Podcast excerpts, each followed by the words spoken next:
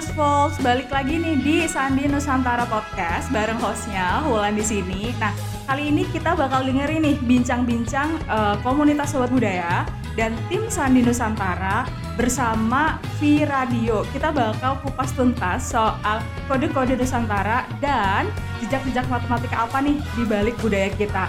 Biar nggak penasaran, langsung aja yuk dengerin.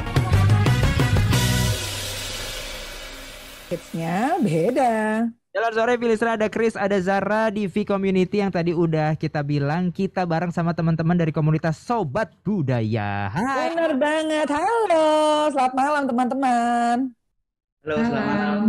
ketemu. Ini boleh dikenalin gak sih ada siapa aja di sini teman-teman? Siapa yang kenalin nih? Silakan kenalan sendiri dong. Kenalin ya Mbak Zara, di sini tuh kebetulan ada Bang Hoki Situngkir uh, selaku peneliti dan penulis buku Kode-Kode Nusantara dan uh-huh. penggagas nih, penggagas gerakan sejuta data budaya. Beliaulah inspirasi kami nih, anak-anak muda. Oh. Kenapa kok Sobat Budaya lahir dan Sandi Budaya uh, lahir juga nih. Terus ya. ada juga Niki, ketua Sobat Budaya. Terus uh-huh Aku ya. sendiri uh, Hulan selaku ketua tim Webtoon Sandi Nusantara. Oke. Okay. Oke, okay. ini menarik sekali ya Filisno. Di mana memang kalau misalnya kita lihat, eh, kita lihat dari nama komunitasnya aja udah sobat budaya gitu. Tapi boleh nggak sih jelasin lagi ke Filisno? Mungkin ada yang masih uh, maksudnya gimana sih tentang apa sih ngom, uh, apa namanya kegiatannya? Ya, Niki gimana? Niki mungkin ketuanya nih. Jadi uh, Sobat Budaya ini satu komunitas yang kita berusaha uh, menggali pengetahuan di balik budaya tradisi. Mm-hmm. Jadi kita budaya tadi itu sebagai data dan sumber inspirasi yang perlu digali pakai uh, sains, teknologi gitu. Oh. Okay. hasil hasil penggalian itu uh, ada di buku kode-kode Nusantara yang dijadikan webtoon. Oh. Oke, okay. menarik ya. Nah ini juga uh, kabarnya memang dari ini kan teman-teman sobat budaya ini dari kota Bandung ya awalnya mulainya, bener nggak sih? Iya, ya, Bapak di Bandung. ini kalian semua di Bandung atau gimana nih teman-teman? Saya lagi di Jakarta. Aku di Jakarta sih. Nah. Oh. Kenapa uh, Mas Oki? Saya di Jakarta kebetulan sekarang. Lagi di Jakarta, oke. Okay. Kaulan di di Jakarta juga. Niki yang di Jambi. Niki mana di Jambi tuh? Oh, Mbak Niki di Jambi jauh ya. Maksudnya kayak ternyata ini kayak ada di setiap penjuru Indonesia. ada yang di Jambi, ya kan? Oke, okay. berarti kalau misalnya untuk, uh, silakan Chris. Ya, eh anyway nih Zara gue penasaran uh, Bang Hoki ini adalah peneliti dan juga penulis buku uh, kode-kode Nusantara. Emang Nusantara ini kode-kodenya tuh yang seperti apa? Ah, ah, kita baru tahu ini. Mirip sama kode-kode gebetan juga gak sih Bang? Beda ya.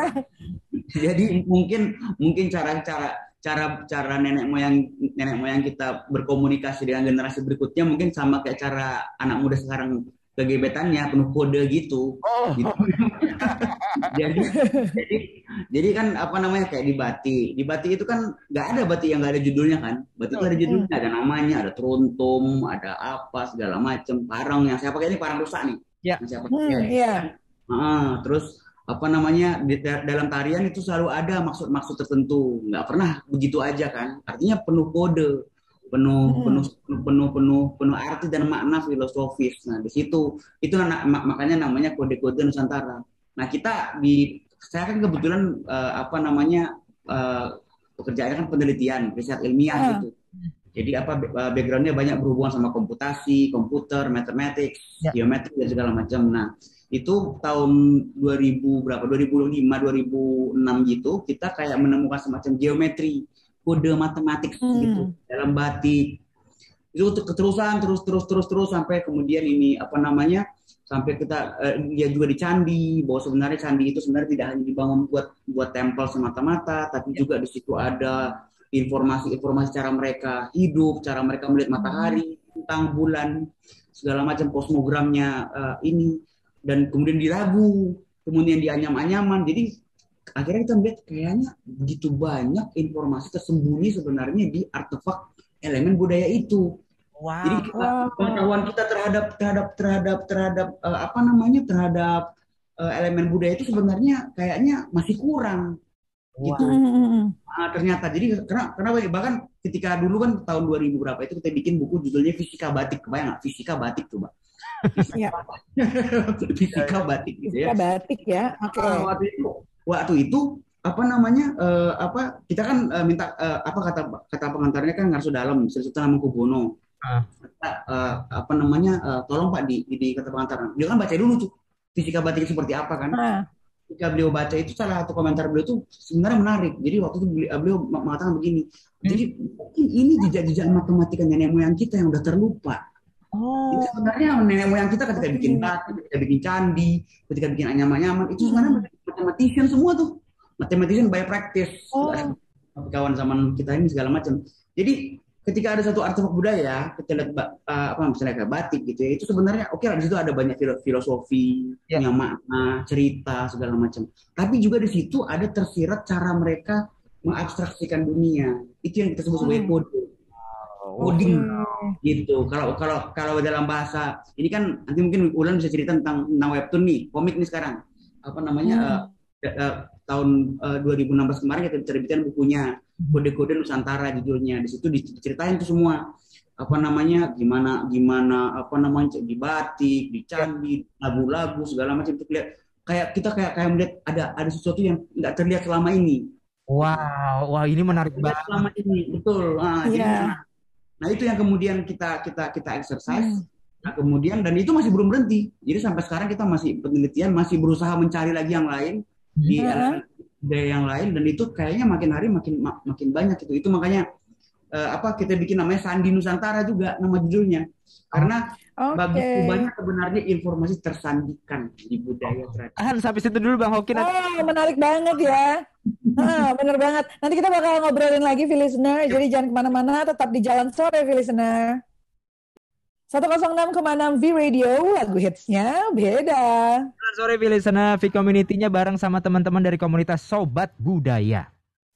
Betul, ini kita tadi sempat ngobrol-ngobrol ya sama Mbak Niki, Mbak Wulan, dan juga Mas Oki gitu kan. Ini menarik banget ya, maksudnya kayak tadi yang sempat kita di, uh, di off-air gitu. Ternyata di zaman dulu aja udah ada hidden mathematics gitu ya, mana maksudnya istilahnya kan mereka tuh masih yang kayak sederhana lah gitu, tapi bisa dibuat seperti itu, keren banget. Yang bahkan Chris tadi sempat ngomong juga, malah diketemukannya untuk yang seperti itu tuh justru bukan di Indonesia ya, eh, bukan orang Indonesia yang menemukannya ya gitu. Jadi concern awal ini uh, nanti mohon dikoreksi ya Bang Oki ya. Iya, yeah, iya.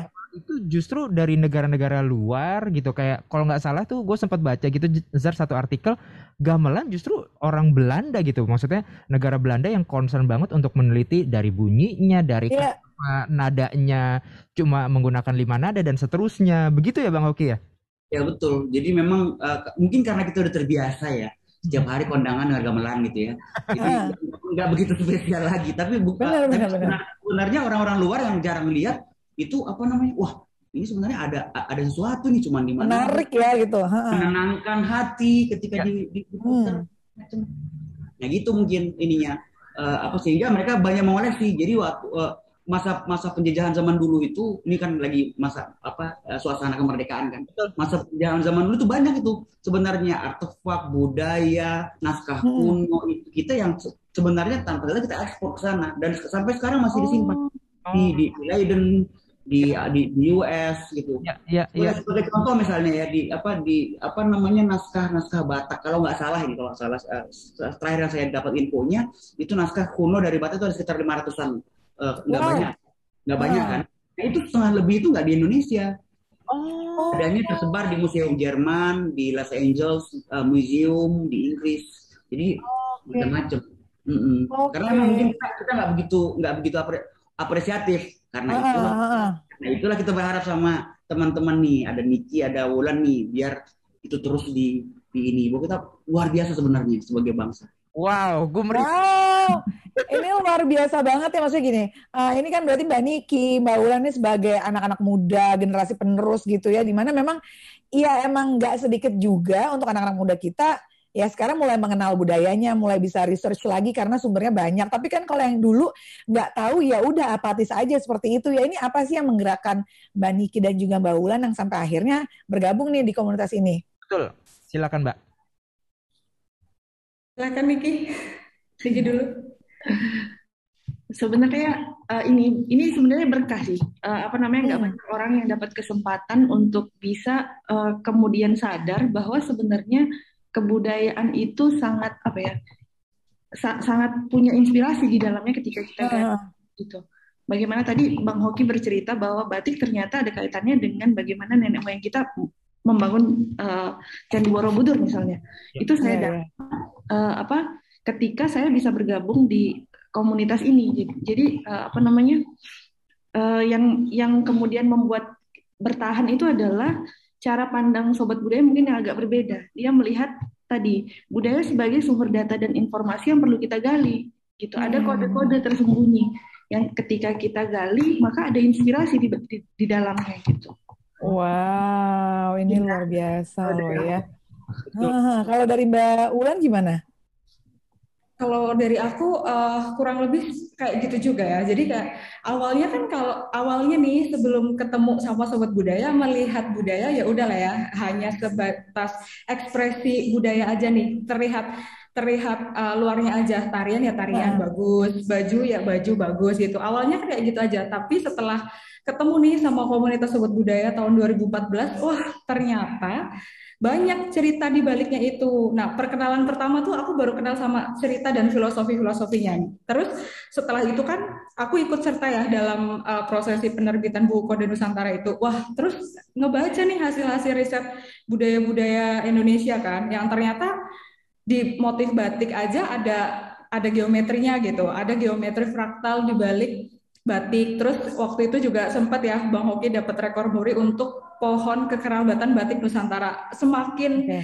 semakin kagumlah aku sama budaya-budaya Nusantara yang budayanya itu enggak bukan hanya kita kagumi hanya sekedar cantiknya aja, tapi ternyata ada ilmu pengetahuannya, ada rumus matematiknya, terus ada kayak uh, pengetahuan kita nggak kalah advance loh sama budaya barat gitu kan sama uh. pengetahuan barat. Cuman mungkin bedanya kita nggak menuliskan itu gitu kan. Jadi ketika iya, ketika uh, ketemu sama sobat budaya terus dia tuh uh, komunitas ini kan benar-benar mendorong untuk menuliskan data budaya gitu kan. Nah dari situlah uh, terus muncul riset-risetnya itu jadi kayak wah makin kagum banget nih sama budaya. Nah itu sih yang yang mendorong dan bikin aku stay dari 2014 sampai sekarang kan. Karena nggak cuma wah, sekedar iya. apresiasinya doang gitu.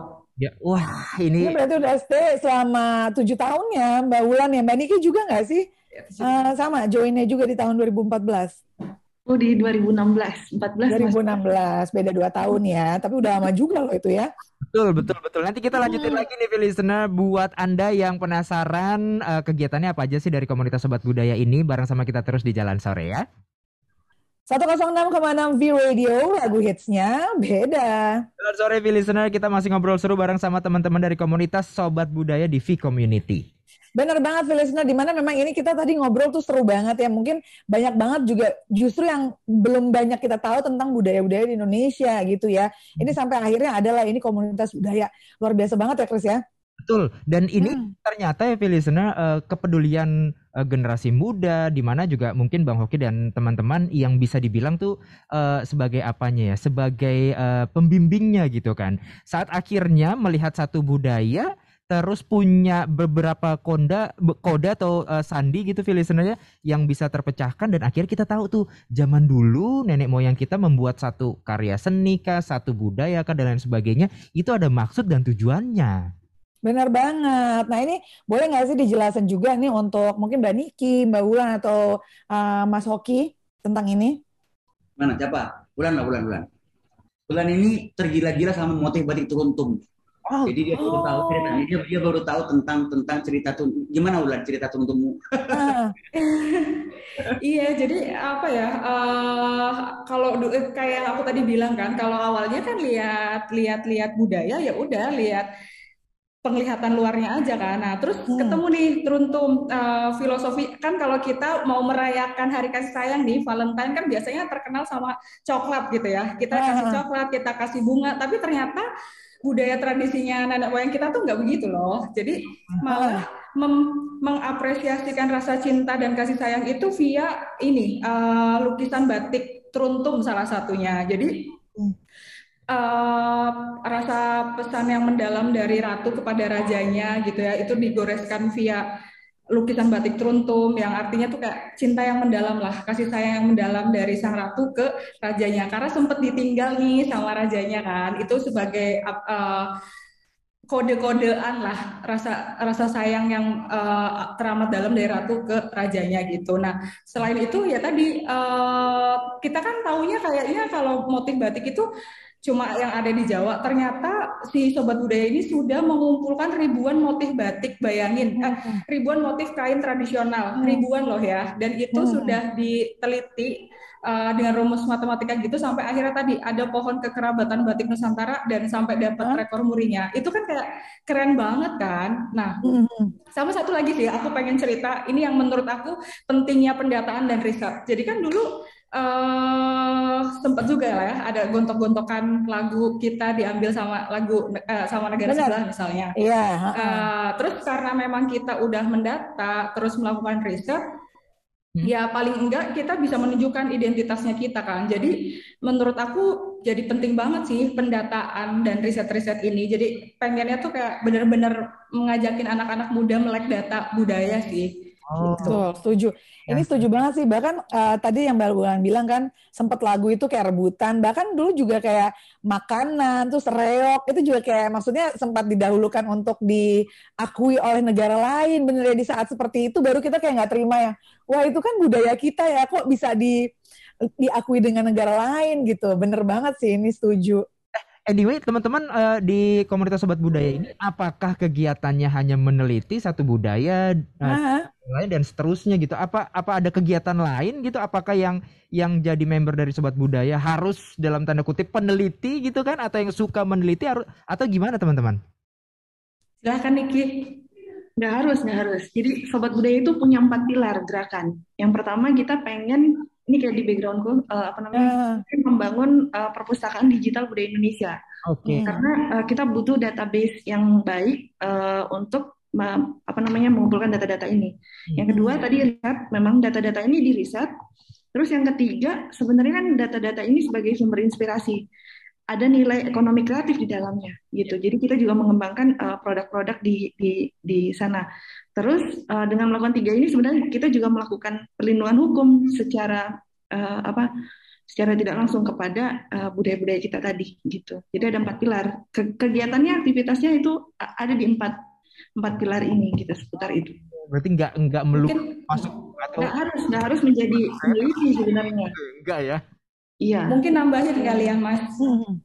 Jadi kan teman-teman uh, teman-teman kan kita ngajak banget nih semua uh, lapisan anak-anak muda bisa gabung sama sobat budaya buat pendataan. Karena sebetulnya semudah kan zaman sekarang udah internet banget kan semudah masuk ke perpustakaan digital budaya Indonesia di budaya.indonesia.org orang-orang tuh bisa ikut serta gitu mendata budaya yang mereka tahu di sekitarnya. Karena kan orang-orang dengan titik lokasi yang beda-beda pasti budayanya beda-beda gitu. Mereka Betul. lebih tahu pastinya tentang budaya sendiri dibanding kita yang ada di Jakarta misalnya kan. Jadi semudah mereka, sesimpel mereka mensubmit data budaya yang mereka tahu di masing-masing daerah itu adalah salah satu uh, cara kita untuk ber, cara kita uh, sumbangsi kita lah ya buat menjaga kebudayaan Nusantara gitu. Nah, selain pendataan, ya tadi uh, kegiatan-kegiatan soal budaya yang melakukan kegiatan-kegiatan yang inovatif lah ya, biar budaya ini kedengeran nih di anak-anak muda terus nunjukin bahwa budaya ini ya nggak sekedar ekspresi doang budaya ini tuh nggak sekedar pernak-pernik dan benda-bendanya doang tapi lebih jauh lagi ada pengetahuan di sana nah salah satunya contoh kayak webtoon Sandi Nusantara ini. Ini kan salah satu cara kita buat mengenalkan budaya tradisi, salah satu cara kita buat buat tunjukin bahwa ada kode-kode pengetahuan nih sebetulnya di balik budaya kita. Terus kita kenalinnya kan dengan webtoon ya yang ya. saat ini tuh kayak emang benar-benar disukai nih sama anak-anak muda gitu. Karena kan hmm. mau kita nggak bisa bantah ya kalau anak-anak muda sekarang kalau cuma dicekokin uh, pamflet doang, dicekokin berita doang gitu kan ya nggak masuk kan. Nah kita coba masuk ini edutainment budaya tradisi Nusantara, edutainment pengetahuan ilmiah uh, budaya Nusantara tuh via webtoon gitu. Oh, hmm. nanti kita bahas webtoon ini Zar ya. Benar, jadi jangan ke mana-mana, listener tetap di Jalan Sore. 106,6 V Radio, lagu hitsnya beda. Jalan Sore, listener ada Chris, ada Zara, V Community-nya masih bareng sama Mbak Niki, Mbak Wulan, dan juga Bang Hoki dari komunitas Sobat Budaya. Betul banget, listener. Di mana tadi kita udah sempat ngobrolin tentang webtoon gitu ya, yang baru aja dirilis ya, merilis komik digital namanya Sandi Nusantara yang kalau kita lihat ini backgroundnya Mbak Ulan nih. Mbak Ulan gimana? Boleh nggak sih Mbak diceritain sedikit Mbak uh -uh, tentang webtoon Sandi Nusantara ini?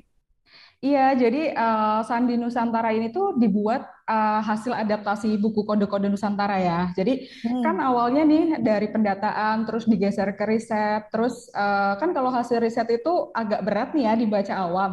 Ya. Akhirnya akhirnya diterbitkanlah buku Kode-Kode Nusantara tahun 2016 dengan bahasa hmm. yang sudah dipermudah.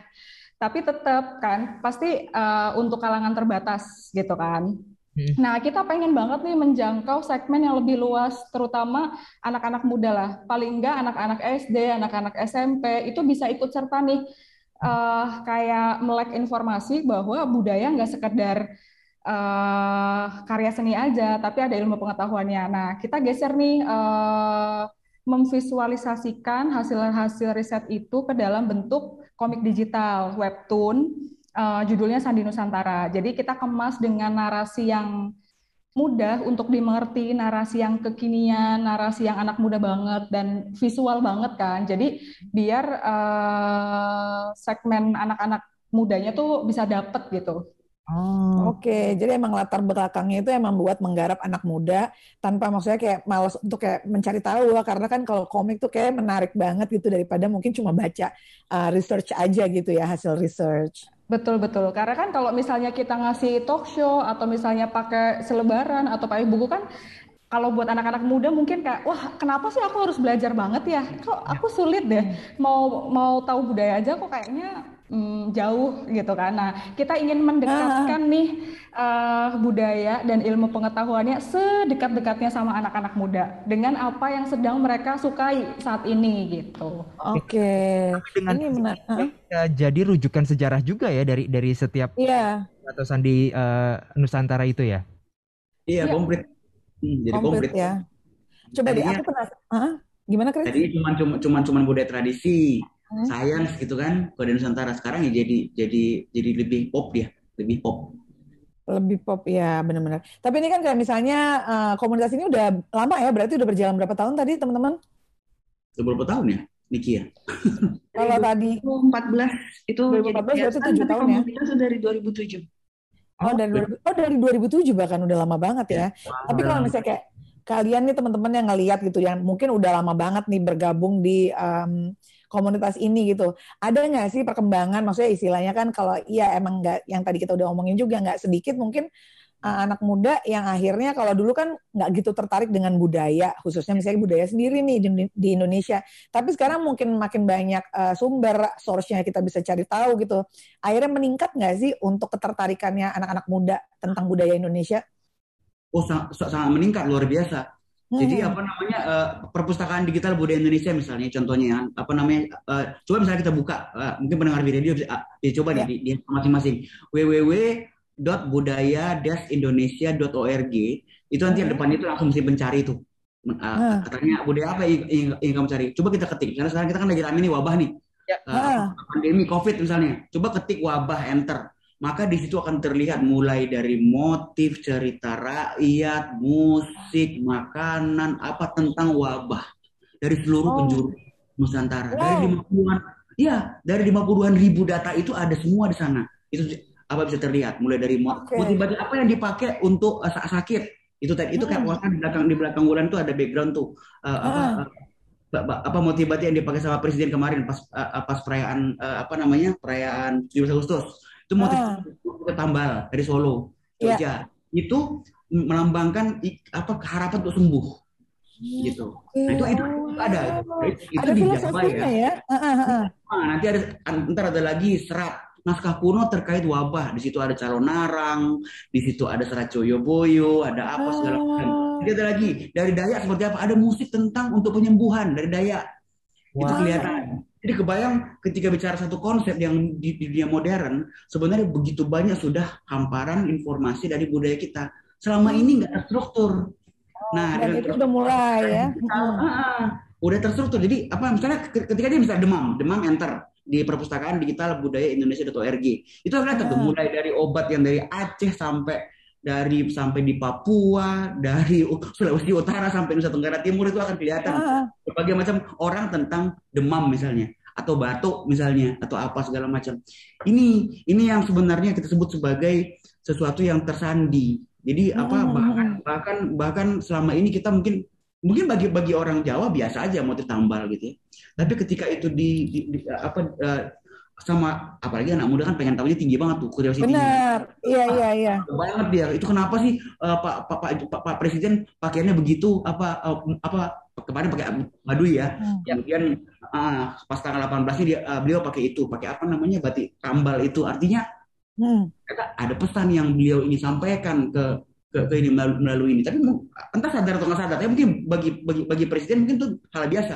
Tapi sebenarnya bagi orang-orang yang bukan berlatar belakang Jawa atau Solo atau Jogja ya. itu luar biasa. Apalagi kalau dari Eropa ngelihat. Itu saya. Saya pernah saya pernah apa sedikit cerita ya? Saya pernah apa namanya tiga hari di Selandia Baru. Uh. saya ngomong soal matematik tentang uh, ethnomathematics. Waktu itu uh, ininya. Kan tiga hari tuh. Hmm. nah tiga hari kan. Nah pas musim uh, musimnya musim semi. Jadi nggak usah pakai baju hangat. Saya pakai saya ya. bawa dong tiga, tiga, tiga kemeja batik. Tiga tiganya beda. Uh, uh, itu Iya. Setiap yeah. hari itu pagi itu sampai hari kedua, ketiga itu saya ditungguin pas sarapan. Kenapa? Karena begitu saya datang kan motifnya beda tuh, motifnya beda sendiri. Apa artinya? Cerita saya, oh ini motifnya artinya ini, begini, begini, begini, begini. Besok ada lagi beda lagi motifnya, cerita lagi. Ini motifnya ini. Artinya, artinya sebenarnya kita itu dari awal itu memang udah sering sudah suka pakai kode-kode dari pakaian kita, dari musik kita, senandung kita, bahkan obat-obatan kita, makanan kita.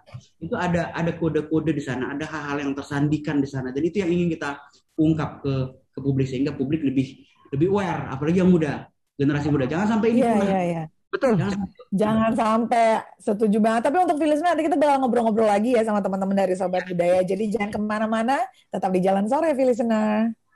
106,6 V Radio lagu hitsnya beda. Jalan sore Filisner, Zara Medina, Chris Putra masih barengan sama teman-teman dari komunitas Sobat Budaya di mana satu jam nggak terasa ya Filisner kita tadi ngobrol off air sama on air dan di mana wow ini menarik ya karena budaya Indonesia tuh emang kaya banget. Dari setiap wilayah ada setiap daerah tuh ada jadi semua bisa dikulik gitu. Dan yang tanpa kita tahu ternyata semuanya berisihan kode ya kan Jadi listener ya, saat Anda nih lagi uh, deketin gebetan gitu kan, nggak deketin calon mertua, ngasih kode-kode nggak usah khawatir. Dari zaman nenek moyang kita udah dikasih kode. Udah ada kodenya. Kitanya aja baru tahu ya sekarang ya, listener. Tapi ini dari teman-teman dari uh, Sobat Budaya gitu ya, apa sih harapannya ke depannya dan juga untuk komunitas ini sendiri, apa yang ingin disampaikan atau mungkin apa yang ingin dikembangkan dari komunitas ini? Silakan. Siapa duluan? Niki Niki. Niki coba. Kalau aku uh, ini apa namanya Indonesia ini kaya banget. Mungkin sejuta data budaya itu bukan bukan apa bukan sesuatu yang mustahil gitu. Jadi bagaimana kita sebenarnya anak-anak muda ngumpul rame-rame, gimana caranya kita uh, apa namanya nunjukin ke dunia bahwa sebenarnya memang Indonesia itu adalah negara yang kaya budaya gitu. Kita harus uh, kumpulin sejuta data budaya dan perjuangannya masih, masih harus uh, apa kita harus kerja keras di sana. Oke, okay. lanjut. Siapa duluan nih Mbak Ulan apa Bang Hoki? Uh, boleh lah. Nah, jadi kalau tadi selain didorong ke pendataan, uh, ini sih harapannya teman-teman anak-anak muda tuh bisa turut meramaikan perbincangan budaya dan pengetahuan-pengetahuan yang udah berhasil nih ditemukan biar nggak mati. Karena mau hmm. bagaimanapun kalau tidak diperbincangkan itu semua akan mati gitu. Selain hmm. diaktualisasikan ya harus diperbincangkan. Jadi harapannya uh, dengan cara-cara yang sudah kita lakukan, uh, ada perpustakaan digital budaya Indonesia, ada webtoon Sandi Nusantara, ada buku Kode Nusantara, bisa diperbincangkan lah sama anak-anak muda zaman sekarang yang gadget banget ini kan, supaya semakin viral nih informasinya. Jadi biar ada snowball effect lah bahwa budaya kita tuh kaya banget dan ada jejak-jejak matematika di sana gitu. Jadi hmm. uh, biar biar semakin memupuk rasa kecintaan kita sama budaya tradisi, memupuk uh, rasa apa ya uh, cinta tanah air kita juga dan sejalan nih sama pesan-pesannya Pak Jokowi ya kalau ideologi Pancasila itu harus membumi dengan cara-cara yang kekinian. Nah dengan dengan hal-hal inilah yang dilakukan oleh sobat budaya semoga bisa menjadi inspirasi teman-teman anak-anak muda yang di luar sana gitu supaya bisa apa ya supaya bisa saling support satu sama lain lah gitu. Wow. Lanjut lagi terakhir dari Bang Aki gimana Bang? Cuma dua aja, satu sebenarnya. Hmm. Jadi kalau buat yang lebih senior senior mungkin bisa lihat perpustakaan digital tadi budaya Indonesia hmm. org yang, yang agak senior ya mahasiswa ke atas lah gitu atau yang lebih hmm. lebih tua lagi misalnya mau, mau cari inspirasi tentang budaya segala macam itu ada di situ bisa dilihat dan bisa dilengkapi jadi bisa kita punya hmm. suatu resep yang dari turun temurun bisa taruh di situ karena itu tempatnya partisipatif itu PDB hmm. buat yang muda-muda di ceritanya ini yang mahasiswa ke bawah lah SMP SMA segala macam ya, apa namanya ini kita masih panjang nih. Kita panjang ke belakang budaya kita, kita juga panjang ke depan. Nah, buka handphonenya sama-sama buka handphone dua-dua nih. Kan apalagi pandemi kan di rumah aja. Ya. Buka uh. handphone, buka webtoon, cari Candi hmm. Nusantara, enter. Nah, kemudian kita tiap Selasa akan akan ketemu sama cerita baru tentang betapa serunya mendapatkan berbagai macam kisah-kisah seru uh, terkait budaya tradisi dan sains. Wow. Setiap Selasa ya Bang ya? Setiap Selasa diupdate. Ya kan Ulan? Benar ya? Iya betul. Seminggu sekali kita update episode sekali. Gimana Mbak Ulan buat lagi di mana? Listener yang mau uh, mengupdate atau mau me, apa namanya? mau menikmati webtoon Sandi Nusantara ini silakan, Mbak.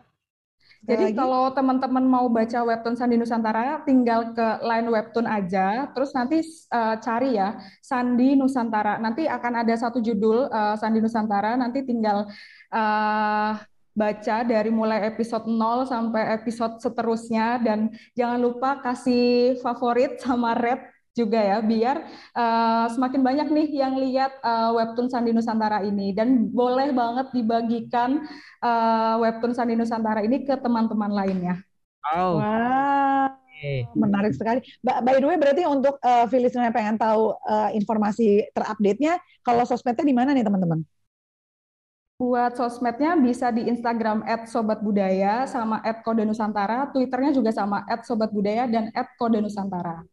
Oke, wow ini sangat inspiring sekali ya. Jadi terima kasih loh teman-teman ya untuk Bang Hoki, ada juga Mbak Wulandari dan juga Ah, Mbak Niki, terima kasih loh. Ini kita jadi langsung pengen buka ininya, websitenya. pengen cari tahu. Kita ketemu uh, secepatnya di studio ya, Bang Hoki, Mbak Iya dong, iya dong. Obrolan seru lainnya mengenai budaya Nusantara ini ya. Ya. ya. Terima kasih teman-teman. Sehat-sehat dan juga sampai jumpa. Sehat-sehat. Mari. Bye-bye. Dan juga Filisna nggak terasa udah jam 8 sekarang saatnya Zara Medina dan juga Chris Putra pamit nih Filisna. Betul, kita ketemu lagi di hari Senin pastinya di jalan sore dari jam 4 sore sampai jam 8 malam. Kita mengucapkan selamat berakhir pekan Filisna ya happy weekend. Bye. Nah, gimana nih menurut kamu tentang kode-kode yang ada di Nusantara? Ternyata amazed juga ya kode-kodenya. Biar nggak ketinggalan dan biar terus update, jangan lupa baca terus uh, petualangan Gendra di webtoon Sandi Nusantara. Kamu bisa masuk ke line webtoon, terus favorit, like, komen, juga share ya. Jangan lupa juga ya, subscribe, uh, aktifkan notifikasi, komen, dan share juga nih Sandi Nusantara Podcast channelnya. Kalian bisa follow akun-akun uh, sosial medianya Sandi Nusantara di @kodenusantara di Twitter dan Instagram.